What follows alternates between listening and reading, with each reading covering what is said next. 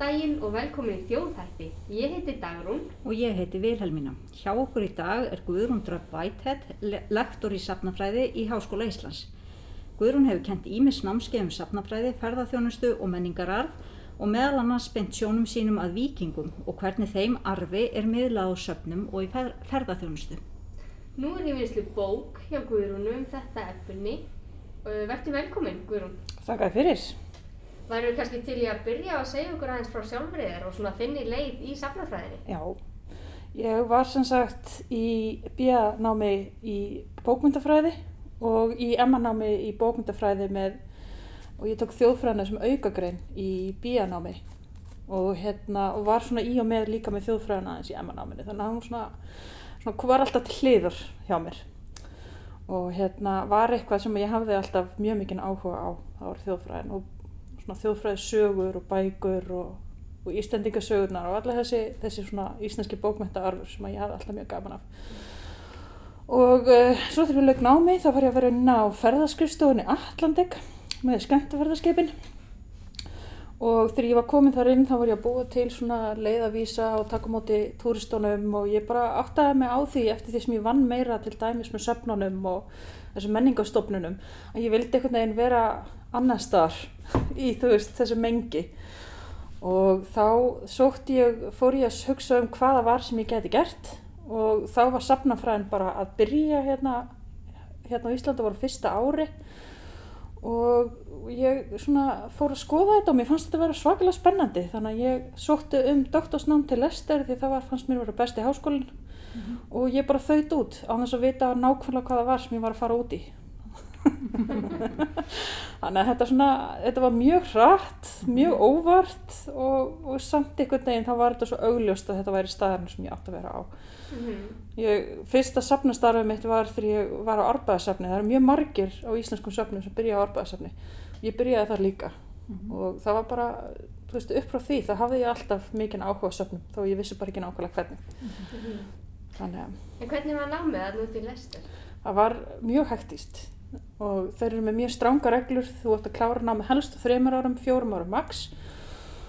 Og ég byrjaði þá ætlaði ég að skrifa um allt annað efni heldur en vikinga ég var bara ekki búin að kveika á því að ég hefði áhuga á því sko. og ég ætlaði að skrifa um byggðasöfn og, og svona lokal sögur að segja sögur sem voru byggð meira á stað háttum frekar heldur en þessar almennu sögur. Og ég fannst það að vera mjög spennandi. Og svo var ég að skrifa ég var að skila af mér greinum í hver einustu viku, einhvers konar úrdrætti eða rítgerðum og fleira. Því ég, að því að ég þekkti svo lítið safnafræðina, þannig ég þurfti að lesa svo mikið til að skilja hvaða var sem ég var komin út í. Um, og þá skrifa ég, var ég að skrifa um þjóðirnisíkju og það skrifa ég einhverja bara málskrein um vikinga því það er að þú getur ekki skrifa um íslenska þjóðirnisíkju að skrifa um vikinga mm -hmm. og þá áttaði sko þá ég áttaði mig ekki á því að það var eitthvað í því. Það var sko leiðbrandi minn sem að sagði heyri Guðrún, þú ert að skrifa um eitthvað rándefni sko. og upp frá því þá, þá smalli þetta og þá var þetta allt einhvern veginn umfaldara þá var ég búin að finna það sem ég hafði einhvern veginn raunverulegan fræðilegan áhuga á. Mm -hmm. þannig gerist þetta, ég var eiginlega bara að læra á meðan ég var í náminu. Mm -hmm. ég var bara að læra hvað safnafræði er á meðan ég var í náminu. Mm -hmm. þetta var ekki grein sem var kent og þú veist, það var svo sértækt. Þannig að hérna já, og svo þegar maður var búin að svona, svona komast úr þessum hverfurbili þá var þetta bara svo indislegt samfélag mm -hmm. við heldum ráðstöfnur við fórum uh, í dagsferður út á land að fara á söfn og menningarstofnanir og allir, allir doktorsnefnarnir voru með sko sitt, svona sína sérhæfingu mm -hmm. þannig að allir gáttu meðlað ykkur ólíku um sama staðin og þetta var bara gíflega dýnamíst og, og svona indislegu tími sem að ég hugsa með, með hlýju mm -hmm. Hann skemmtilega. Já. En hefur tekið eitthvað með þér af þessari reynslu inn í safnafræðideildina hér? Já, þetta, ég held að ég og Sigurðan erum mjög mikið á sömu braut með hvað við viljum fá út úr þessu námi. Mm. En ég læriði ímislegt þarna sem að mér fannst vera alveg nöðsynlegt. Fyrst og fremst þau eru með alveg gífulega öflugt fjarnám. Þau eru með, með margfald fleiri nefnendur í fjarnámi heldur en staðnámi og hvernig þau skipulögðu fjarnámi það hafði strax mikil áhrif á mig. Mm. þannig að það er eitthvað sem ég brenn fyrir og við erum að nota stað, eh, fjarnamið Mhm. og, og ég hef tekið viðtöl við til dæmis Lester háskóla til þess að skilja betur hvað ég get lært að um þannig að það er eitt af því sem ég tók Mhm. og hitt er líka bara þess að blanda saman þessu faglega og að fara svo inn á söfnin og tala við fólki sem er að vinna á golfinu og tengja það við fræðin þannig að þetta fáið svolítið bæði Mhm. einsýnin í þetta starf sem þau munu vinna en á sama tíma eitthvað svona faglegan bakgrunn til þess að geta séð það með öðrum augum heldur en kannski þau myndu annars þannig að það er eitthvað sem að ég hef sem að ég legg mikla áherslu á Mhm. Algjörlega. En nú ert þú að rannsaka, eða þú hefur verið að rannsaka vikinga. Já, Getur þú sagt okkur aðeins frá þessari rannsók? Já, þetta eru vikingarnir, ég, þetta er doktorsverkefni mitt í grunninn og upprunalega það átti þetta að vera doktorsverkefni mitt pluss eitthvað smá. En núna er þetta eiginlega svona einn tíundi doktorsverkefni mitt og þú veist, allt annað er nýrannsókn, það er bara þróaðist þannig. Um leið og byrjur að skoða vikingana þá getur ekki hætt. Þannig að þetta verður bók þar sem ég er að bera saman söfn í Bretlandi og Íslandi og í Noregi. Og ég er að skoða hvernig þú getur sett upp þessu sömu sögu, þannig að sama kjarna og ólíkan hátt til þess að ná til samgæsta, til þess að sína sögunni í nýju ljósi og, og bara tala við starfsmenn, sjá hvernig kultúrun er inn á við, ég tengi þetta mikið við markasetningu og sem er oft svolítið bannorð á söfnum og er svolítið fimmni við og, og ég er svona að skoða hvernig þessi ímynd safn hefur áhrif, hvernig þau sjá safnið, hvernig það hefur áhrif á alla starfsemina út af í tengslum við þá þessu uppsetningu á safnum og vikingum. Og það er svona í algjöran grunninn það sem ég er að gera. Svo er svona margt inn í þessu sem kemur inn í, sko. En hvernig einmitt er þessi byrtingamynd vikinga á söfnum? Þetta er nefnilega, þetta er svo skemmtilegt sko, það sem er svo skemmtilegt við þetta er að þú ert með sömu söguna en tilgangurinn er alltaf svo ólíkur. Þannig að hvert samt fyrir sig er með einhvern tilgang, einhvern markmið með sýningunum og það þarf ekki alltaf að fara saman. Markmið þarf ekki alltaf að vera bara með alla dagsetningar og alla söguna. Stundum er það bara að gefa einhvern veginn insinn inn í eitthvað eða vekja innblástur eða áhuga eða að vera staður þar sem að fjölskyldan kemur um helgar að leika sér í vikingaskipinu. Og það er þessi fjölbreytileiki sem að, sem að ég tók eftir. Til dæmis e, í Oslo, vikingaskipasafni þar, þetta er, þetta er háskólasafn, þetta er, er rannsóknarsafn. Og þau eru sem sagt að þróa nýtt safn utanum vikingaskipasafnið og það verður sem sagt viðbætur og breytingar og það byggir allt á þessu vísendilega nákvæmni og fræði og gera áhorrandana svona rannsakanda. En svo ferðu kannski eins og á hérna, Lofóter í Norðurnóri og vikingasafni þar og þar er markmiðið að snerta og pröfa og tala og hugleiða, fara út í siglingu og skipinu og hugsa þannig um hlutina með því að læra með því að upplifa. Að fara í gegnum eitthvað og hugsa, ég upplifði eitthvað, ég skil hvernig, ég skil einhvern kjarna og það er einhvern veginn, það er markmiðið þar. Þannig að það er svo ólíkt, það er svo margt hægt að gera. Mhm. Þannig að það er kannski svona markmið safnana sem að skiptir uh, helstu máli þegar það er verið að vinna með arfinn. það gerir það svolítið og ég, það skiptir máli hvað er það sem að þitt safn hefur upp á bjóða sem er einstakt?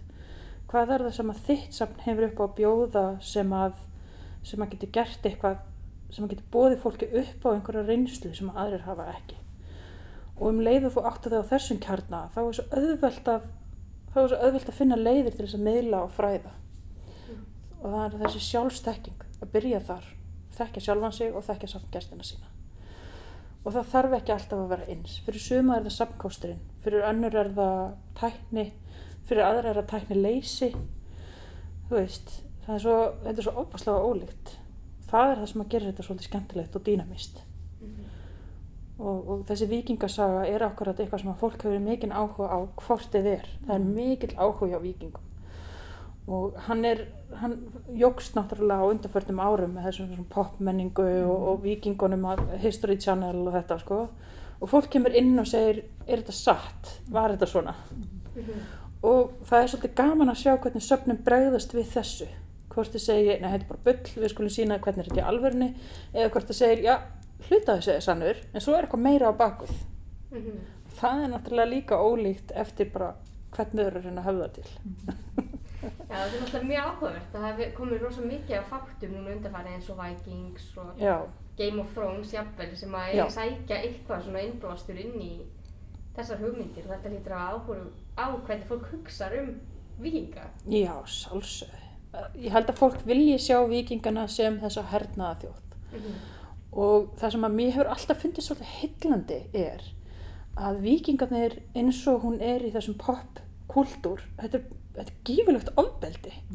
Þetta er ofbeldi gagvart öllum öðrum þjóðum, þetta er ofbeldi gagvart konum, gagvart öðrum knönnum, gagvart þeim sem eru öðruvísi, þú veist, það er þrælahald, það er verið að drepa fólk og fólk hugsa, já, þetta er fólki sem ég vil vera eins og.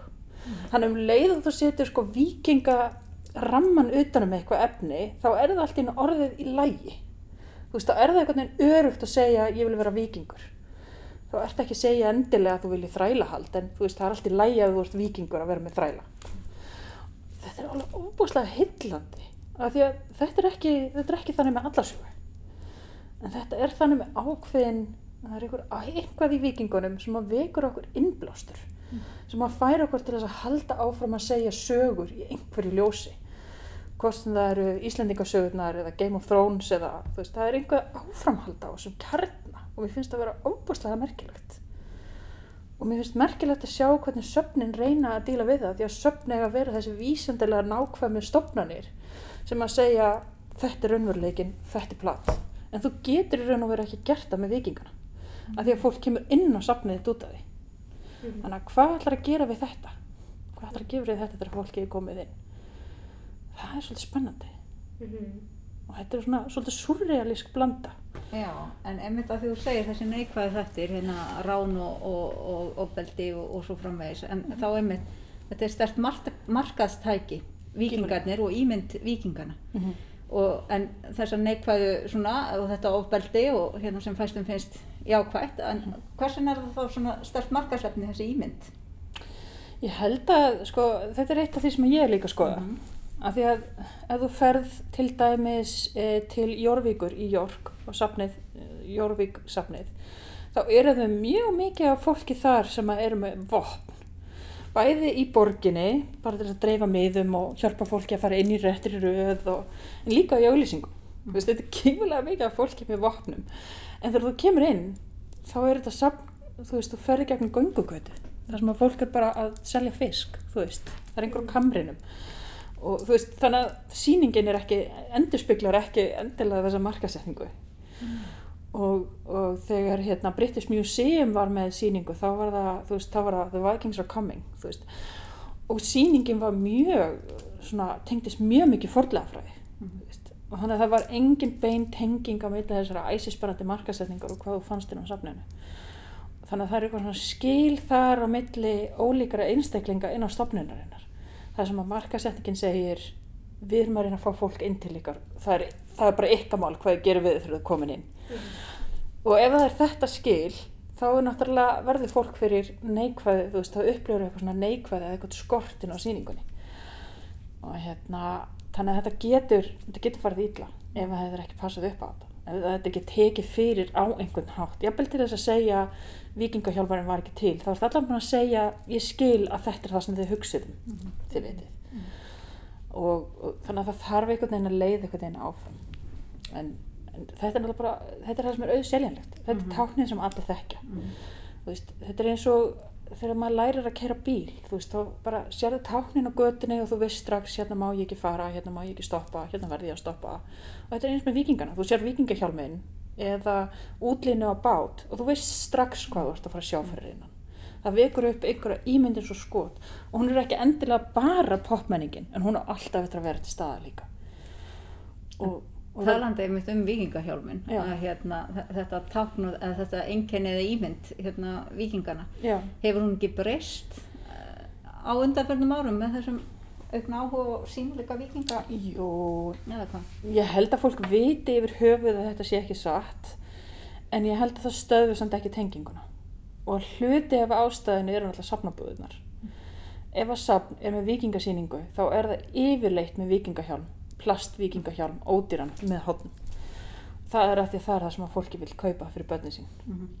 þannig að veist það er að selja kannski líka þá ímynd sem að það er að reyna að forðast en svona skemmtilegasta sem að ég hef séð sko að takast á við hennar hjálm var í, í Glasgow fyrir mörgum árum þegar þau voru með sýningu þar.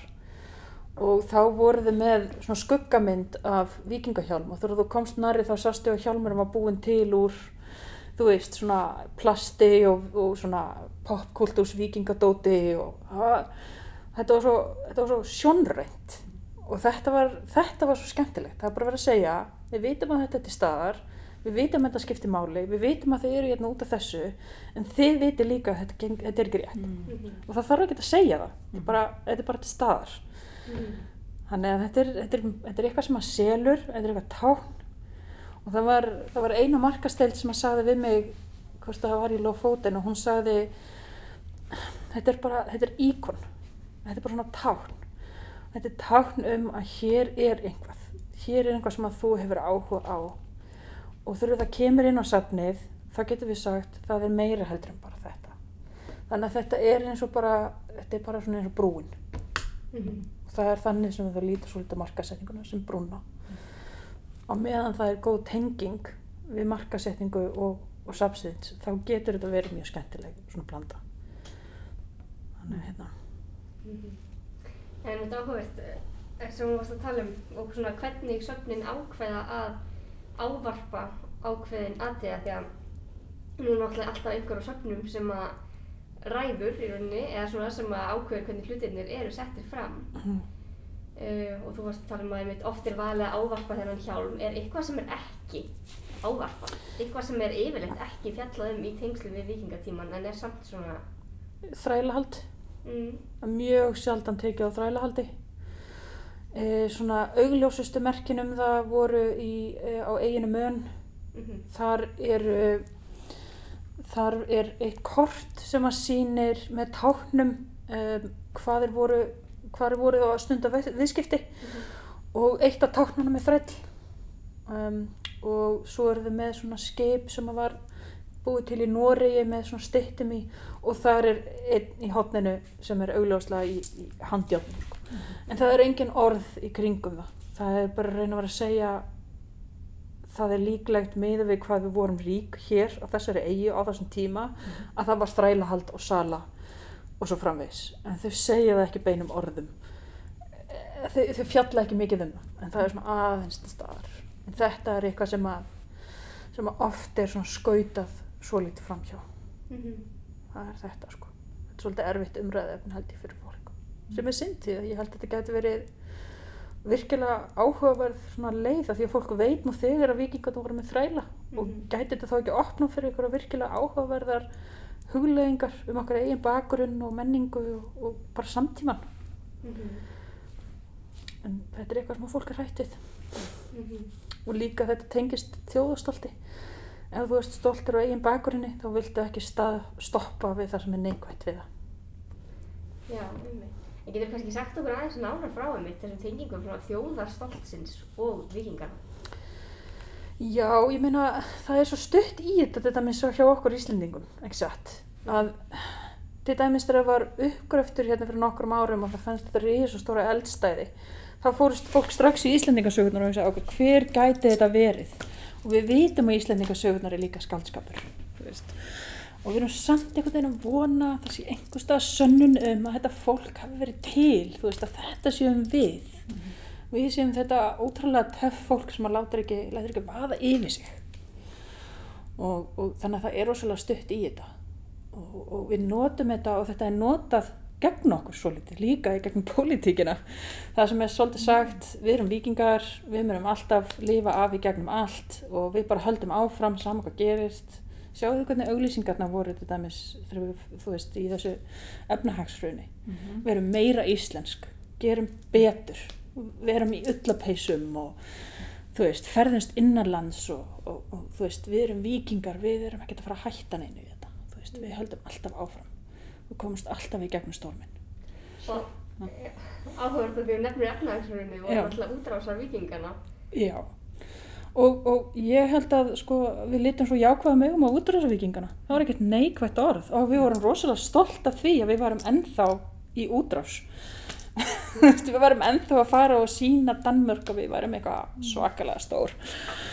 Og hérna eh, og, og við vorum, við vorum starf, rosalega jákvæð fyrir þessu. Og það var ekki fyrir neftir hrun sem að þetta varð allt einu bara að einhverju svona óorði Já, en samt er svo aukin áhuga núna á þessari ímyndi í markasetningu eins og hérna íslenska karlalandsliði í fótbolta. Nýja Já. herferðin þeirra er hérna byggir á svona vikingathema. Já.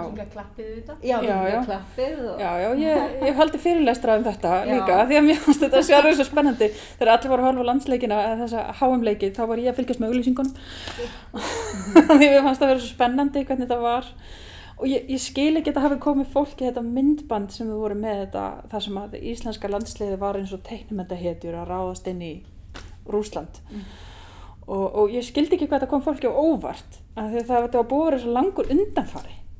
Við vorum með sko svona berserkja ímynd á okkur og hérna við vorum sjálf að íta undir þessa ímynd innanlands og utan. Þannig að þetta var bara beint framhald á því þannig að þetta kom náttúrulega sérstaklega á óvart að þetta varð. Og hérna náttúrulega teiknumyndatengingin gerði þetta popmenningu frekar heldur en sögu í okkar augum. En um leið að þú ert að, að keppast um við alþjóð þá verður náttúrulega að taka með sögu ólíkra hópa með inn í reikningin og það er náttúrulega það sem að vandamálið kom upp í því, því ákveðna tilviki sko.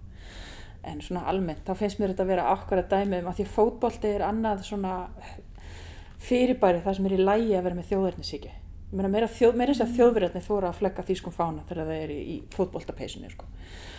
þannig að þar er þetta allt einhvern veginn, þar er bara samþygt, þegjandi samþygt að um leið að þú ert komin á döfuhöll eða þú ert að tengist fótbolta, það meir að vera stoltur af því að vera frá þessu landi.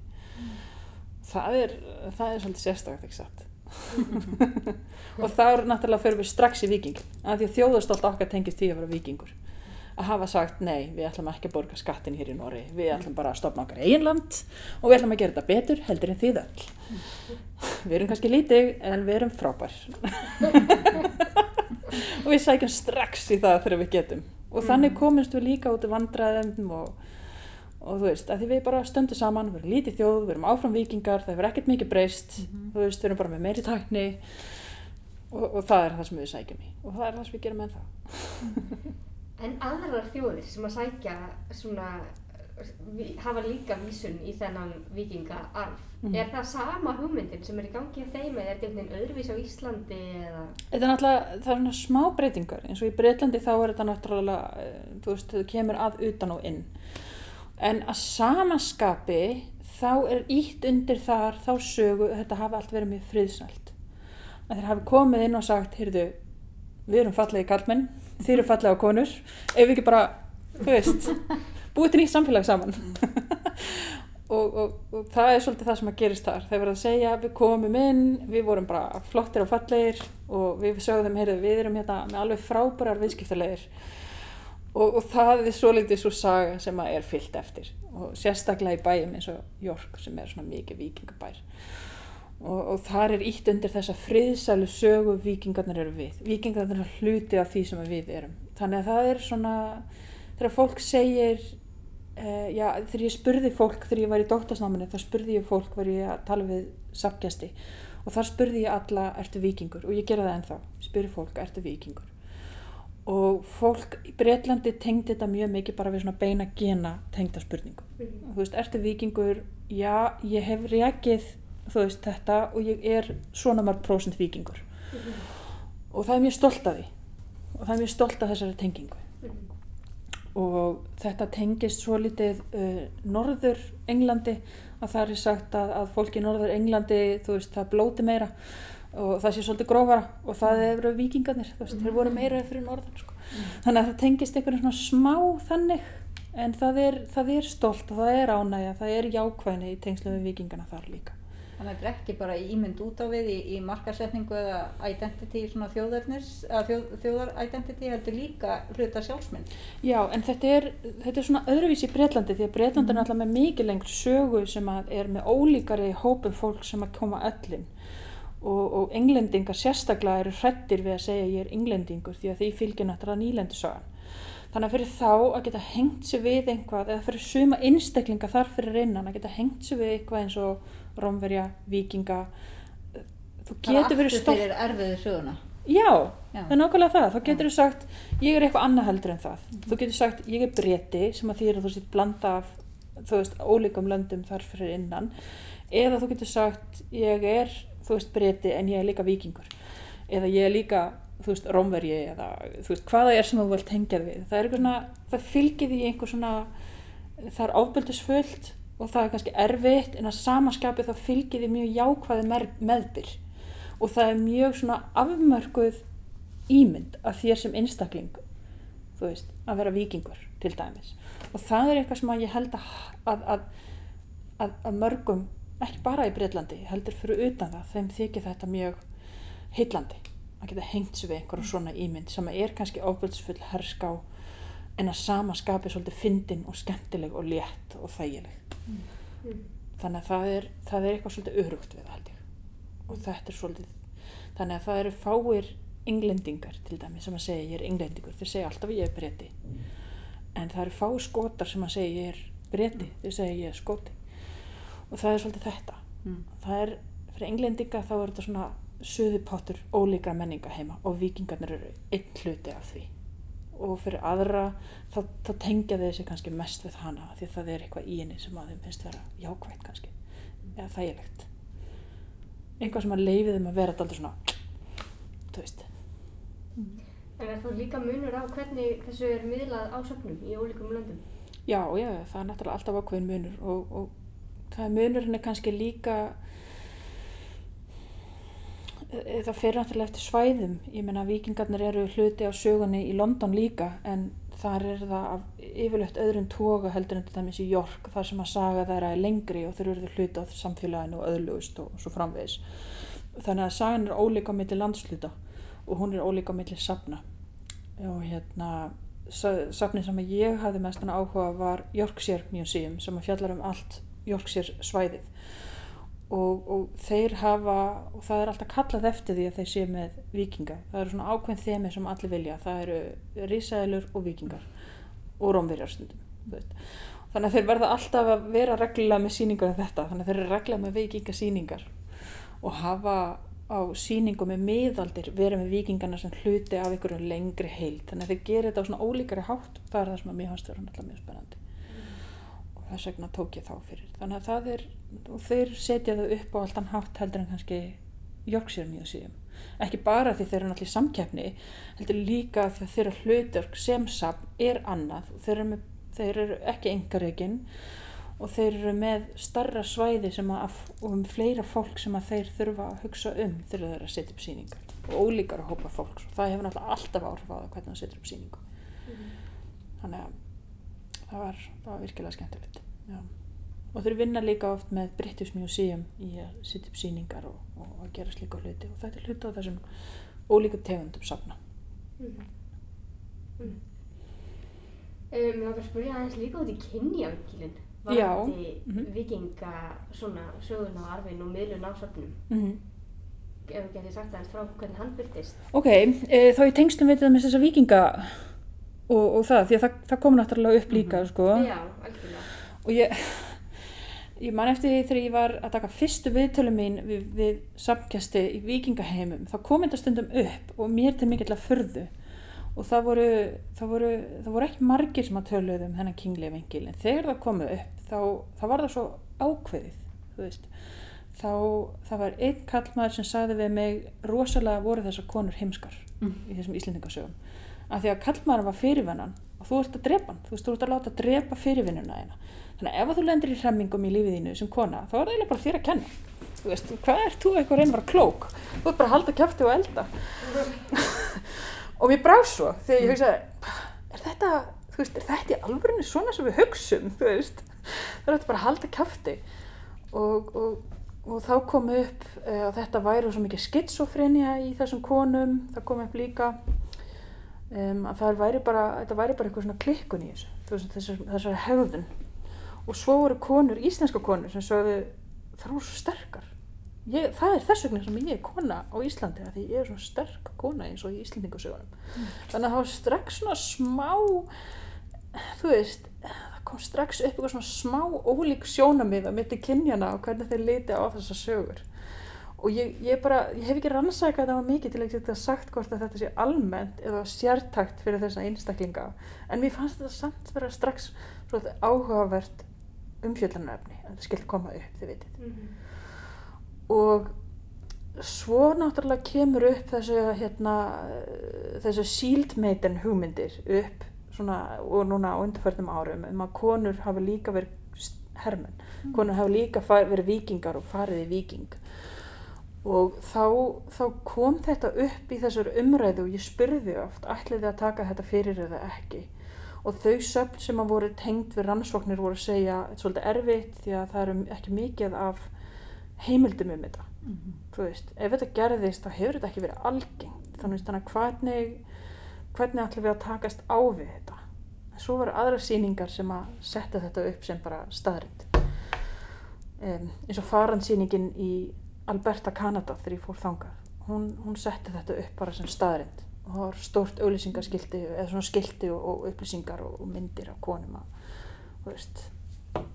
þannig að þetta var það kemur upp núna í dag, það kemur upp þessi hugmynd um þessar e, vikingukonur og það er svo, þetta er svo spennandi að, að svo ímynd sem er verið að hampa núna er konur voru frábærar að því þar gætu líka fara út í stríð en á Íslandi þá hugsaðu við konur voru svo klókar. Veist, þær voru að stjórna bak við tjöldin. Það skiptir okkar einhver máli hvort þær hafi farið til Noregs veist, að, að, að berjast eða að tala við konungin eða hvað nú er. Fyrir okkur þá eru konur sterkar okkur um allt öðrum forsendum. En þessar forsendur eru ekki til staðar allstaðar því það er náttúrulega ekki Íslandikasögurnar eru ekki grunnurinn á þekkingu fólks allstaðar og hérna og þá, þá er verið að leita ykkur sterkar kvennimynd og þá er það kona sem er hermaður líka Mm. eða stríðsmaður þannig að þetta er svolítið spennandi kynjavengill í þessu Mhm. Mér finnst þetta áhugavert sko, þetta sem hún segir með þessar tvær ólíku sí, síningar á byrtingamind kvenna já, að hérna þarna er, eru söfnin í raun einhvern veginn að be- bregðast við ímynd eh, se- se- sem er núna svipað með hjálmin Já. en, en þetta var þar kannski mitt stöðu kvenna og, og hlutverk í gegnum söguna. Og hérna og þe- þetta er, þetta er ennþá einhvern veginn svona í mótun mm veist, þetta er eitthvað svona eitthvað svona rannsóknarefni sem að við erum að vinna með en það er svo mikið kall eftir því að það verði að bregðast við þessu. Mhm. og, og það er svo erfitt fyrir sögn að bregðast við einhverju samstundis. Það verða að fá mörg ár áður en það getur sett eitthvað inn. Af því að þegar eitthvað komið inn á sýningu þá er orðið staðrind Mhm. Það er alveg sama hvað það er. Það er orðið staðrind það kemur inn á safn. Af því að hversu margir gestir fara inn á sýningu og hugsa þetta er allt hlutlegt. Allt sem við sjáum hérna inni er samsetning. Það, það eru mjög fáir gestir sem eru svona gaggrínir að eðlisfari. Þannig að það kemur inn á sýninguna og þú hugsar þetta er rétt. Og ef þetta samsvarast engan veginn því sem að þú veist fyrir þá fyllir þú sjálfur upp í eðunar þannig að það passi veist, inn í þetta hugmyndanett sem að þú ert með fyrirfram og, og, og þessi umræða um að bregðast við einhverju sem er í gangi núna og áhugi fólks í augnablikinu á þessu er þeim rosalega erfiður og sumir sem að líta á þessar sýningar sem svona bara ingang, hún má bara vera ógeðslega spennandi og svo læri fólk bara meira sjálft. Þær segja bara strax, staðrind, hérna er hún, sjáðu hún flott. Konirna voru líka ofbáslega flottar á vikingtímulinu. Og hinnir eru svona, segja, ja, heyrðu, við viljum vita aðeins meira arfið fyrir að taka afstöðu. Mhm. Og, og ég er ekki að segja að annað sé endilega betra heldur en hitt. Mér finnst þetta bara að vera svona merkileg viðbröð í sjálfu sér. Það er það sem að ég, ég veist, þannig hugsa ég um þetta, sko. Mhm. Þetta er líka áhugavert að þetta talar inn í það sem við vorum að tala um áðan með svona e, að fólk er spennt fyrir að sjá stríðið og hasarinn og eitthvað svona en svo kannski voru líka einmitt konur í öðrum hlutverkum á vikingatímanum sem að sem að ég veit ekki hvort eru dregin fram eða hvernig það er sko. Þetta er bara, þetta er svo, þetta var, þetta var svo augljóst þegar ég fór til Kanada á sýninguna þar. Þetta var svo augljóst, þetta er faransýning frá Danmörku og, og það var, það var hluti af sýningunni, var fjallaði um, þú veist, eh, bóndana, bændurnar og konuna þar inn á heimilinu og það lang flesti gestir bara löpuðu fram hjá því. Þeir sáu það og hugsaðu, eh, ég hef ekki áhuga á bændum, löpuðu fram hjá. Þau vildi sjá stóra skipið, þú veist, og þeir voru, þeir eru sem sagt með þetta sko, mjög fáa spýtur af mjög stóru skipi. Og, og þetta var bara úr svona játni eða einhvað og svo nokkra spýtur í botninum. Og, og svo voru þeir myndust þeir á e, Oslo og skipin þar. Og þarna kemur svona, svona opbúslega fyndin sko svona Norðurlanda ég veit ekki hvort þau hvernig kalla þetta pólitík en kannski svona umræður að þar var ekki minnst á að það væri kona sem væri í skipinu í Oslo til dæmis.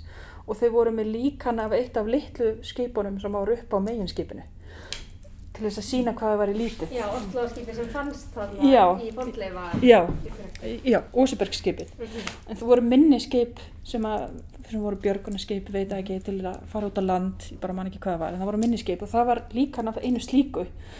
Og það var talað um að þetta væri gröf, en það var ekki minnst á að það væri kona. Það er merkilegt. Það var ekki minnst á það og það var minnst aðalega, sínt aðalega bara litla skipið og það var beint fyrir framan risastóra skipið frá, þú veist, Danmörku. En þetta var alltaf svolítið skemmtilegt líka. Og það kemur annað akkurat. Það var ekki tekinn þessi kynni umræð. Þarna hefði verið frábær, frábær leið til þess að sína hvað konur voru cool líka. Hvað þær gátti líka verið merkilegar og mikið smetnar. Það var ekki alveg tekið sko, kannski að því það var frá Noregi en ekki Danmörku, ég veit það ekki. Um, og þar voru þeir með, þú veist, þessi spjöld. Og þau verið að muna, þessi sýning var að ferðast um Kanada sem hefur enga tengingu við vikingasöguna.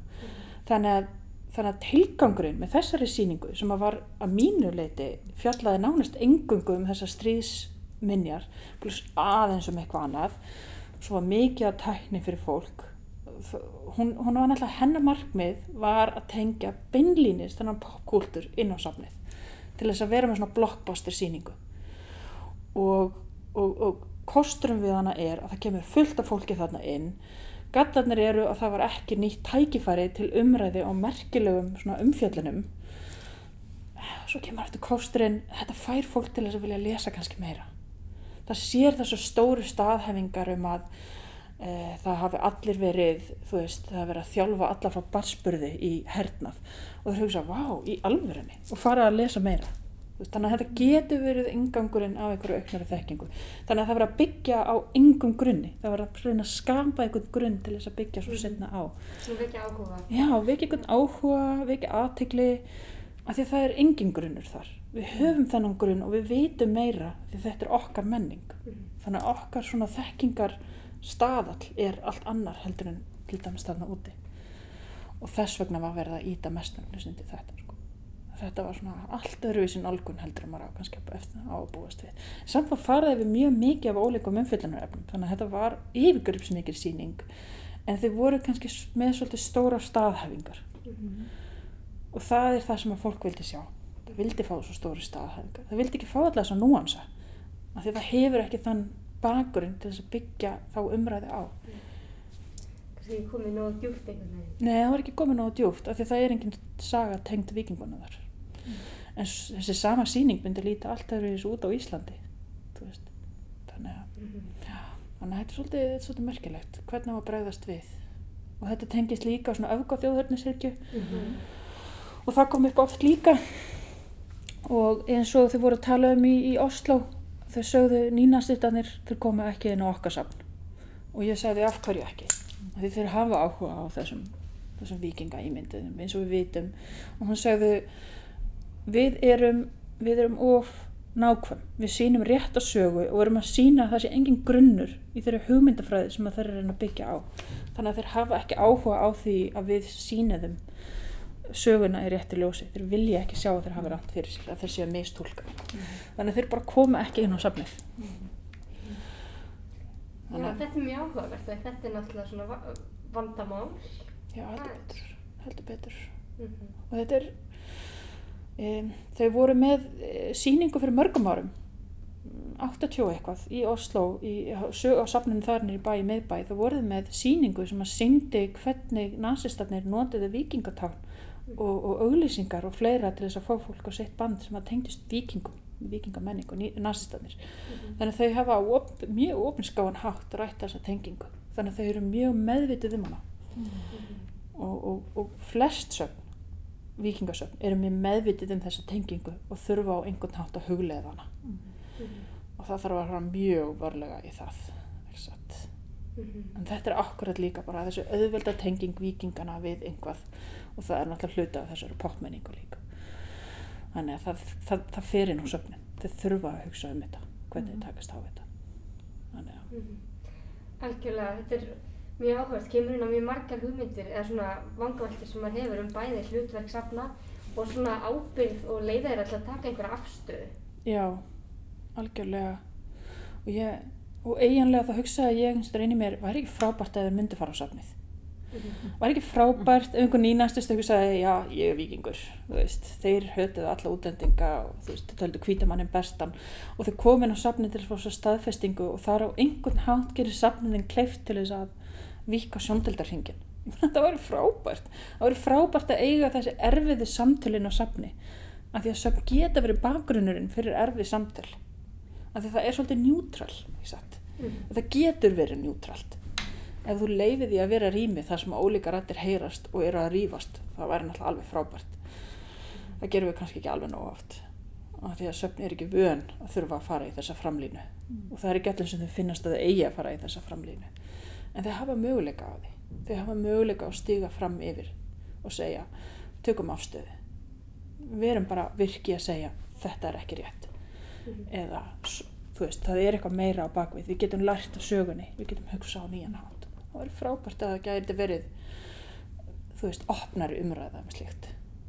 Og er kannski að breytast. Ég held að söfnin sé náttúrulega alltaf að huga meira og meira að sínu samfélagslega hlutverki. Og um leið að þú ert komið samfélagshlutverk þá ertu komið með skildur gagvart fólkinu í samtímanum og að takast á við hluti sem að skipta máli þar á einhvern hátt Mhm.